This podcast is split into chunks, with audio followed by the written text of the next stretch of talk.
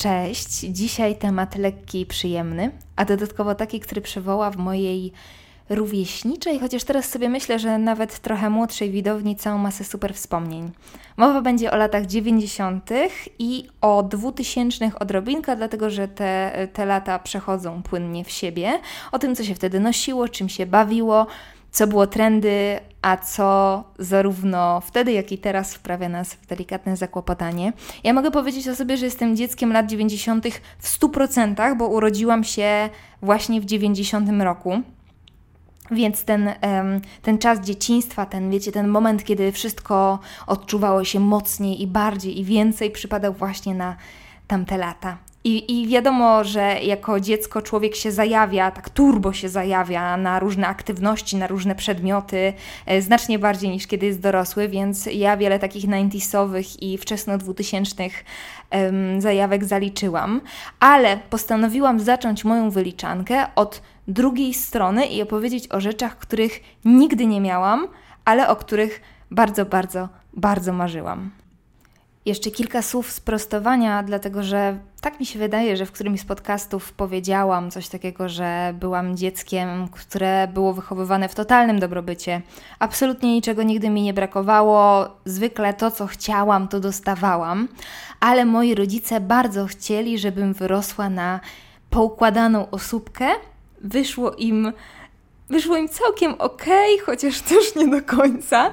Więc kiedy tylko słyszeli o y, złym wpływie tego czy tamtego na dziecko, to od razu dostawałam na daną rzecz bana. Nie mam zielonego pojęcia skąd te informacje brali, ale tak właśnie było. I niektóre z tych zakazów, y, patrząc z perspektywy czasu, były ok, y, a inne. A inne, czy ja wiem. Zatem pierwsze miejsce na liście, na liście tych e, zakazanych rzeczy z serii Czy ja wiem zajmowało Tamagotchi Mm, kiedy byłam w podstawówce, była na nie, był na nie absolutny szał. Dosłownie wszystkie dzieciaki biegały z tymi plastikowymi jajkami, z wirtualnym zwie... Właśnie, dla tych, którzy nie wiedzą, czym jest Tamagotchi, chociaż wydaje mi się, że nie ma tutaj takich osób, ale gdyby zdarzyła się chociaż jedna, to Tamagotchi było niczym innym jak um, wirtualnym zwierzątkiem składającym się dosłownie z kilku pikseli na takich małych komputerkach um, i trzeba było je karmić, sprzątać, opiekować się itd., tak itd. I nie wiem, co wyczytali moi rodzice, ale w ich rozumieniu taki wynalazek był niewychowawczy, więc ja takiego wirtualnego zwierzątka nigdy nie miałam, chociaż bardzo nie prosiłam i używałam wszelkich możliwych żebrackich sposobów, ale nic z tego. Teraz sobie troszeczkę przeskoczę w kategoriach, dlatego że kolejną rzeczą, którą sobie zapisałam na mojej 90 liście są e, brokatowe spodnie, a raczej brokatowe dżinsy, dzwony z kwiatowymi naszyciami i dosłownie kilogramem brokatu. E, moja mama uważała je za szczyt okropieństwa i patrząc z perspektywy czasu i patrząc oczami absolutnej minimalistki, nie wypada się z nią nie zgodzić, ale Jezu, wtedy to było takie czaderskie, ja tak bardzo takich strasznych jeansach, dzwonach marzyłam. W ogóle dzwony, dzwony jako takie miałam, nawet miałam ich kilka i zasada była jedna. Im bardziej zasłaniały całego buta, tym lepiej.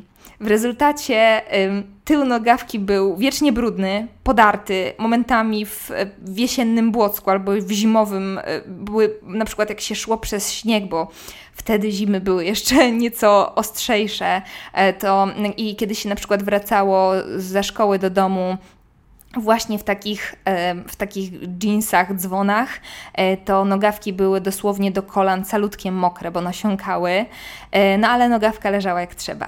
No i oczywiście e, musiały być super niskie w stanie, najlepiej, żeby wisiały w ogóle na kościach łonowych i żeby odsłaniały brzuch, jak najwięcej brzucha i pępek, obowiązkowo pępek.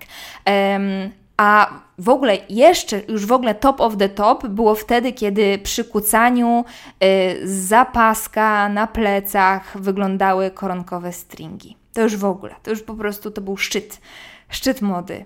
I ja oczywiście miałam y, kilka lat, więc y, pozostawałam przy basicowym zestawie, czyli dzwony i błoto na nogawkach bardzo dziwna moda, ale z drugiej strony zastanawiam się, co będziemy mówić o tym, co teraz się nosi, bo teraz moda też jest określona i wydaje mi się, że mm, za kilka, za kilkanaście, za kilkadziesiąt już w ogóle lat też będzie wprawiała nas w niemałe zakłopotanie.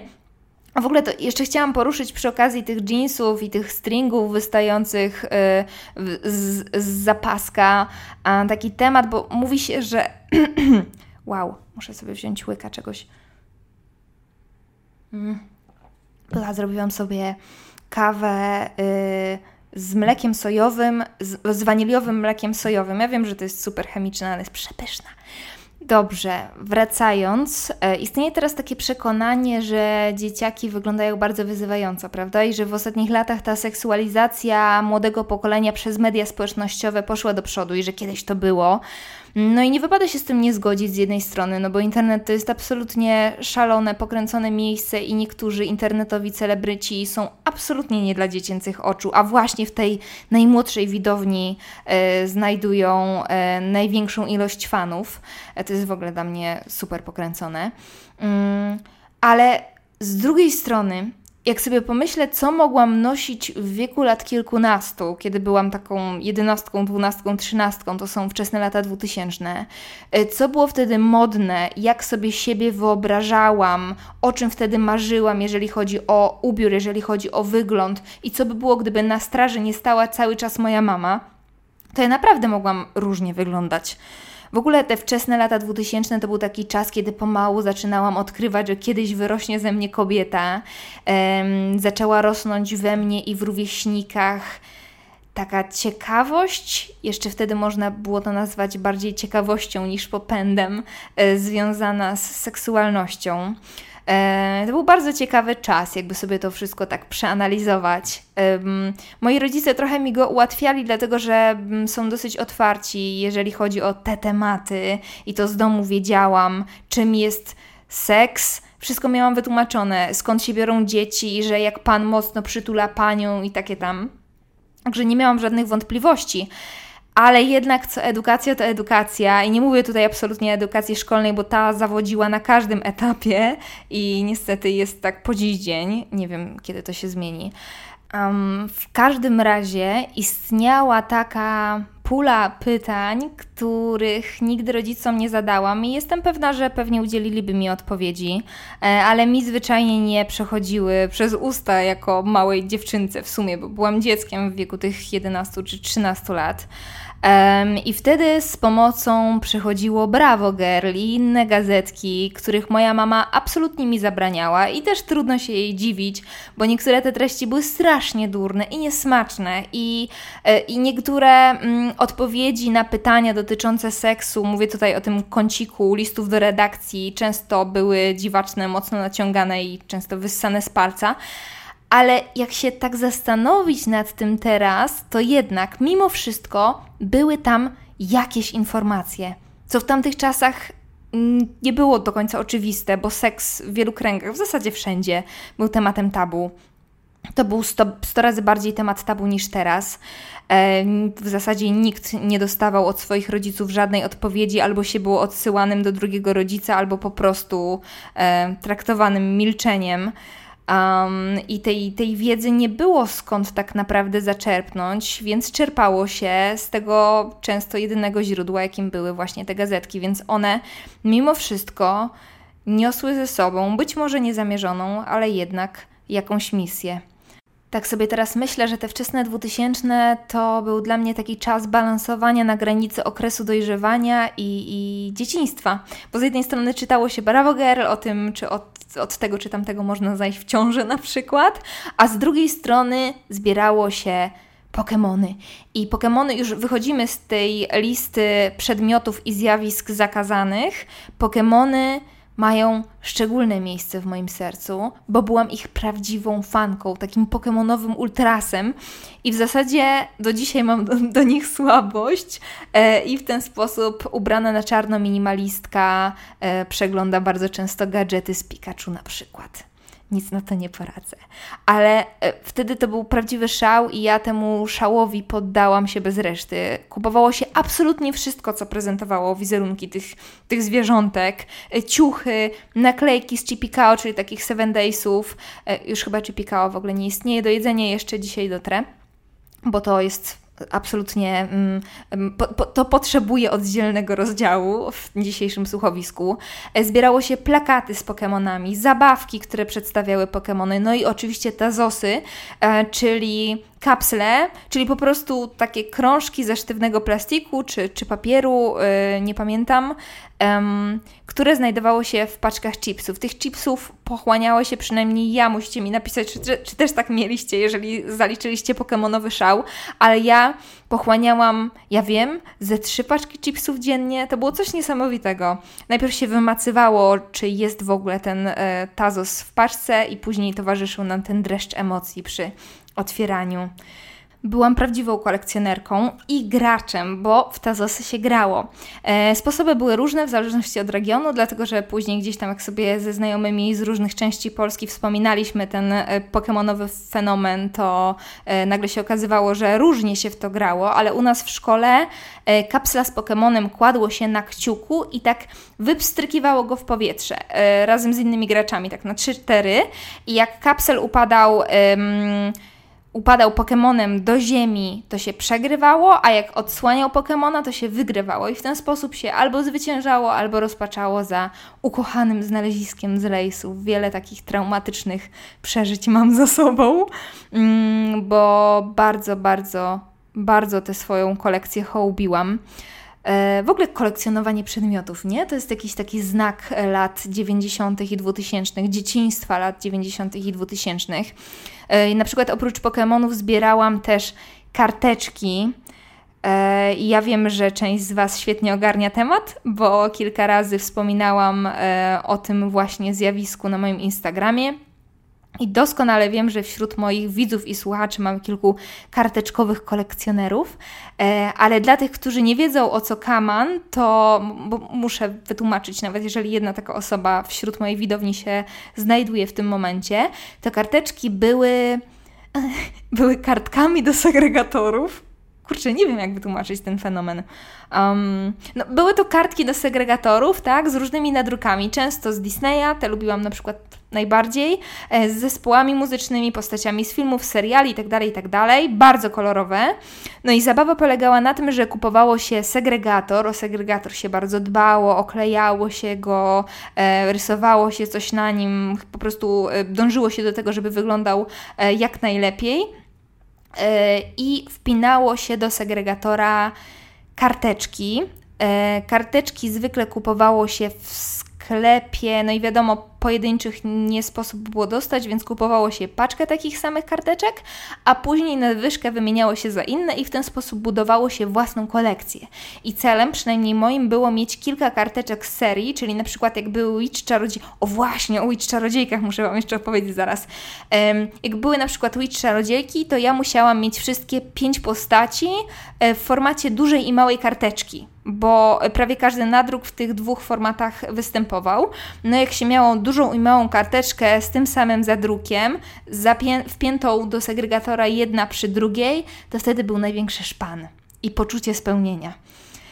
Eee, właśnie odkryłam, że to jest cholernie trudno wytłumaczyć. Bo to, no, to, to, bardzo dziwna moda w ogóle, nie wiem, tak mi się teraz wydaje, patrząc z perspektywy czasu. No ale frajda była przeogromna i wymienianie się i oglądanie tych karteczek i wpinanie ich i segregowanie, bardzo dobrze wspominam ten czas. E, no ale przy okazji tego mojego karteczkowego bełkotu, nie wiem, czy udało mi się to wytłumaczyć tej jednej osobie, która e, nie wie w zasadzie na czym ta moda polegała. E, to przypomniałam, przypomniałam sobie o Witch Czarodziejkach, których na liście nie umieściłam, ale kurde, no trzeba o nich wspomnieć. Zatem Witch Czarodziejki to była na tamte czasy, bo później powstał serial, seria komiksów w formie miesięcznika i historia opowiadała o pięciu, chyba pięciu dziewczynkach, które pewnego dnia odkrywają swoje um, tajemne moce. I niby nic szczególnego, prawda, niby historia jak każda inna, ale akurat ta zrobiła w latach 2000 prawdziwą furorę. Oczywiście każda z nas wybierała sobie ulubioną witch, oczywiście każda chciała być Cornelią, czyli tą najładniejszą z długimi blond włosami, Ale ja jestem realistką, mierzyłam siły na zamiary i zawsze byłam Irmą, bo Irma miała brązowe włosy, super charakter, była taka trochę zabawna, ubierała się kolorowo mm, i jakoś była mi po prostu bliska, no i miała moc wody, a ja miałam wtedy totalną szajbę na punkcie pływania, na punkcie wody, co drugi dzień byłam na basenie. Do dzisiaj zresztą bardzo lubię pływać, no więc yy, wszystko się idealnie łączyło, ale w zasadzie to nie przez samą historię czy tą ulubioną postać Witch Czarodziejki zajmują specjalne miejsce w moim serduszku, tylko przez to, że ja się właśnie dzięki Witch zaczęłam uczyć rysować ludzkie postaci, bo ilustracje w tym komiksie, przynajmniej tak mi się wtedy wydawało, były przepiękne. I w gazetce też oprócz tego komiksu był e, specjalny kącik z fanowskimi rysunkami i pamiętam, że moim wielkim marzeniem było się tam znaleźć. E, a że mój chorobliwy perfekcjonizm już się miał na tamte czasy całkiem nieźle, mm, to nigdy e, takiej pracy nie wysłałam, chociaż narysowałam ich miliard, dosłownie miliard. Do dzisiaj, jakbyście mnie obudzili, obudzili w środku nocy i kazali narysować Witch czarodziejkę, to bym wam ją rachciach narysowała. To już po prostu jest w rękach. Mm. Patrzę teraz, co tu jeszcze mam. A właśnie, telefony komórkowe. Pierwsze telefony komórkowe. Ostatnio podjęłam ten temat, znaczy ostatnio, kilka miesięcy temu podjęłam ten temat na moim Insta Story i okazał się prawdziwym tematem rzeką. Powiem Wam, że czasami sobie tak myślę, mm, mam takie przebłyski, jak sobie siedzę z telefonem, moim obecnym telefonem w dłoniach, jak wielki przeskok technologiczny zrobiliśmy w tak krótkim czasie. To, co teraz wydaje nam się oczywistością, czyli w zasadzie mały przenośny komputer z niesamowitą pamięcią i niesamowitymi możliwościami, jeszcze te kilkadziesiąt, kilkanaście lat temu wykraczał poza w ogóle nasz, nasze wyobrażenie, jakiekolwiek. Coś niesamowitego. Mój pierwszy telefon to był Siemens. E, rodzice dali mi go w wieku lat 12 i był w zasadzie niczym innym jak kalkulatorem, z którego można było dzwonić. Tak w dużym skrócie. No ale tego tematu bym nie podejmowała, gdyby po prostu historia dotyczyła kalkulatora, z którego można było dzwonić, bo wiadomo, że nie samymi rozmowami człowiek żyje i takie na pozór proste urządzenie e, też przynosiło całą masę frajdy, tylko trzeba było użyć troszeczkę wyobraźni.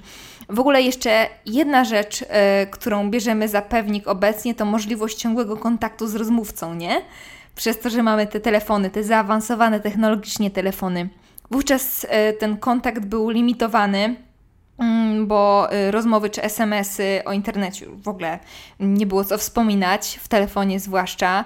SMS-y czy rozmowy kosztowały furę siana, telefony były zwykle na kartę. Ja miałam akurat abonament, ale mm, za to taki sumiennie rozliczany przez moich rodziców, więc e, też to był żaden luksus.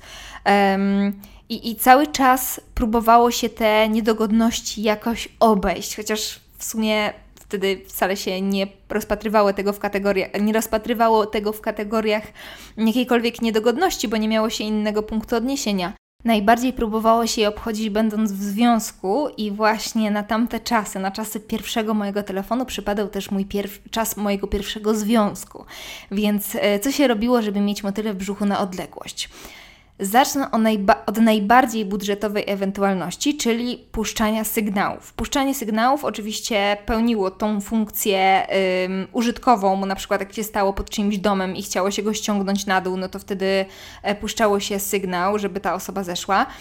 Ale można było również w ten sposób komunikować swojemu e, obiektowi westchnień e, pewnego rodzaju zainteresowanie, no i w ten sposób Chmielewska całe wieczory spędzała na puszczaniu sobie strzałek z ukochanym i płonięciu rumieńcem. SMS-y to jest kolejna metoda komunikacji, w której e, próbowało się ten system oszukać. Zabawa polegała na tym, żeby napisać jednego SMS-a, a nie dwa, e, bo generalnie większa ilość tekstu liczona była już jako dwa SMS-y. Był taki licznik nawet na górze, mm, na górze ekranu, który pokazywał, tam było, tam nie wiem, jeden, dwa albo jeden na dwa, już nie pamiętam jak to dokładnie było. W każdym, w każdym razie telefon podpowiadał, ile się już tego tekstu napisało, e, więc pierwsza zasada, pierwszą zasadą było pisanie bez polskich znaków, bo te również, bo te również liczyły się jako e, droższy SMS, liczyły się podwójnie. E, jak się chciało napisać jakąś taką dłuższą wiadomość, to wtedy albo się wyrazy skracało i wtedy zamiast kocham cię pisało się KC i w ogóle tych skrótów była cała masa, albo po prostu nie używało się spacji. Szaleństwo, co? Powstawały całe takie ciągi, ciągi znaków, bez żadnej spacji, bez żadnego znaku interpunkcyjnego, tylko wyraz od wyrazu y, odróżniało się dużą literą i się, i się tak leciało, i w ten sposób wysyłało się jednego SMS-a zamiast dwóch albo trzech. Um, no ale czasem było trzeba też przyszpanować, prawda? I wtedy mm, do gry wchodziły tapety, oczywiście czarno-białe, rozpikselowane, takie, z których często trudno było wywnioskować, czy to jest pies czy kot. Um, I one kosztowały dużo. Chyba piątkę, z tego co kojarzę, albo może nawet dychę. E, wybór tych koszmarków można było znaleźć na przykład na tyłach różnorakich gazet, na przykład gazet telewizyjnych. No i z tyłu tych gazet, oprócz wyboru tapet, e, można było znaleźć dzwonki monofoniczne, później dopiero weszły polifoniczne, ale te monofoniczne y, to, był po prostu, to było po prostu jedno pasmo dźwięku i zwykle wybór padał na I'm blue, da budi budi da albo y, hmm, hmm, hmm, no ma, no ma je, nie pamiętam tekstu. I o, i w sumie tekst, tak jak sobie teraz myślę, to tekst nie pełnił tam żadnej roli, bo tak jak już wspominałam, to było jedno pasmo płaskiego dźwięku i brzmiało absolutnie fatalnie, ale szpan był niewątpliwie i teraz trochę cofniemy się w czasie, bo z tymi telefonami wypełźliśmy na brzegi lat 2000. Cofniemy się teraz z powrotem do moich lat podstawówkowych, czyli drugiej połowy lat 90., a raczej do szczególnego dla mnie miejsca, czyli sklepiku szkolnego. Um, swoją drogą jestem bardzo ciekawa, jak teraz wyglądają i funkcjonują sklepiki szkolne i czy w ogóle coś takiego jeszcze istnieje. Napiszcie mi w komentarzach na YouTubie pod tym e, słuchowiskiem. W ogóle, wiecie co, mam taki odruch jeszcze z YouTube'a, jak nagrywałam filmy na YouTubie, zawsze jak mówię napiszcie mi w komentarzach na YouTubie, to wyciągam moją prawą rękę, wskazujący palec i pokazuję, pomimo tego, że mnie nie widzicie. Boże, jakie to idiotyczne, teraz się na tym złapałam. E, o czym mówiłam? Sklepiki szkolne. Zatem sklepiki szkolne za moich czasów strasznie starczy to brzmi, ale tak, no za moich czasów, w sklepiku szkolnym nie można było kupić absolutnie nic, powtarzam, nic, co było jakkolwiek zdrowe dla młodego organizmu. E, I przepraszam wszystkich fanów zdrowego żywienia ze sobą na czele, ale właśnie za to sklepiki szkolne uwielbiałam najbardziej gumy kulki zafarbowane w kolory arbuza za 50 groszy, takie plastikowe tutki z orężadą, które oczywiście się wpierniczało na sucho za 30 groszy, maczugi, czyli takie potwornie keczupowe, wręcz octowe chrupki za 80 groszy i tak dalej, i tak dalej. Ten cały cennik oczywiście był dopasowany do małego portfelika. Jak się od rodziców dostawało 5 zł, to panie, to można było balować cały dzień. I wtedy się człowiekowi w ogóle wydawało, że, że kupi za to cały świat. Niesamowity był ten dobór produktów, wiecie? Um, najzdrowsze chyba z tego wszystkiego były drożdżówki, bo przyjeżdżały z piekarni, no i może woda mineralna, a cała reszta to był po prostu sól, cukier i napoje gazowane. I pamiętam nawet, że w liceum, e, w którym też taki sklepik istniał, w pewnym momencie się zbuntowaliśmy, chyba nawet pisaliśmy jakieś pismo z prośbą, mm, że, że chcielibyśmy jednak jakieś zdrowsze rzeczy, jakieś owoce i, i zdrowsze produkty, bo było dokładnie tak samo. Bardzo jestem ciekawa, jak jest teraz i czy cokolwiek się zmieniło, e, bo jednak ta świadomość jednak troszeczkę wzrosła, ale nie wiem, jak to jest w sklepikach szkolnych, dajcie mi znać. Um, Lata 90. to, to w ogóle był taki y, czas bez żadnych refleksji, chyba dlatego, że wtedy po prostu było się dzieckiem, a na tym polega dzieciństwo, że człowiek za bardzo nie wybiega do przodu. Fantastyczny czas, też bym tak chciała teraz. Jeżeli chodzi o stan umysłu, oczywiście, bo tych czasów, w których jestem teraz, nie oddałabym za nic, chociaż wcale tak proste nie są w wielu aspektach. Um, Dobrze, tu postawię kropkę. Mam nadzieję, że podobał Wam się mój dzisiejszy wspominkowy odcinek. Lista tych wynalazków z lat 90., 2000 jest bardzo długa, więc jeżeli uznacie, że chcielibyście posłuchać więcej, to dajcie mi koniecznie znać. Może drugi wspominkowy odcinek stworzy już z waszymi 90sowymi i 2000 typami, bo jestem bardzo ciekawa, co was rozrzewnia na myśl o dzieciństwie. A teraz już na zakończenie taki mały off-topic. Słuchajcie, zrobiłam to. Zakończyłam przygodę z agencją reklamową.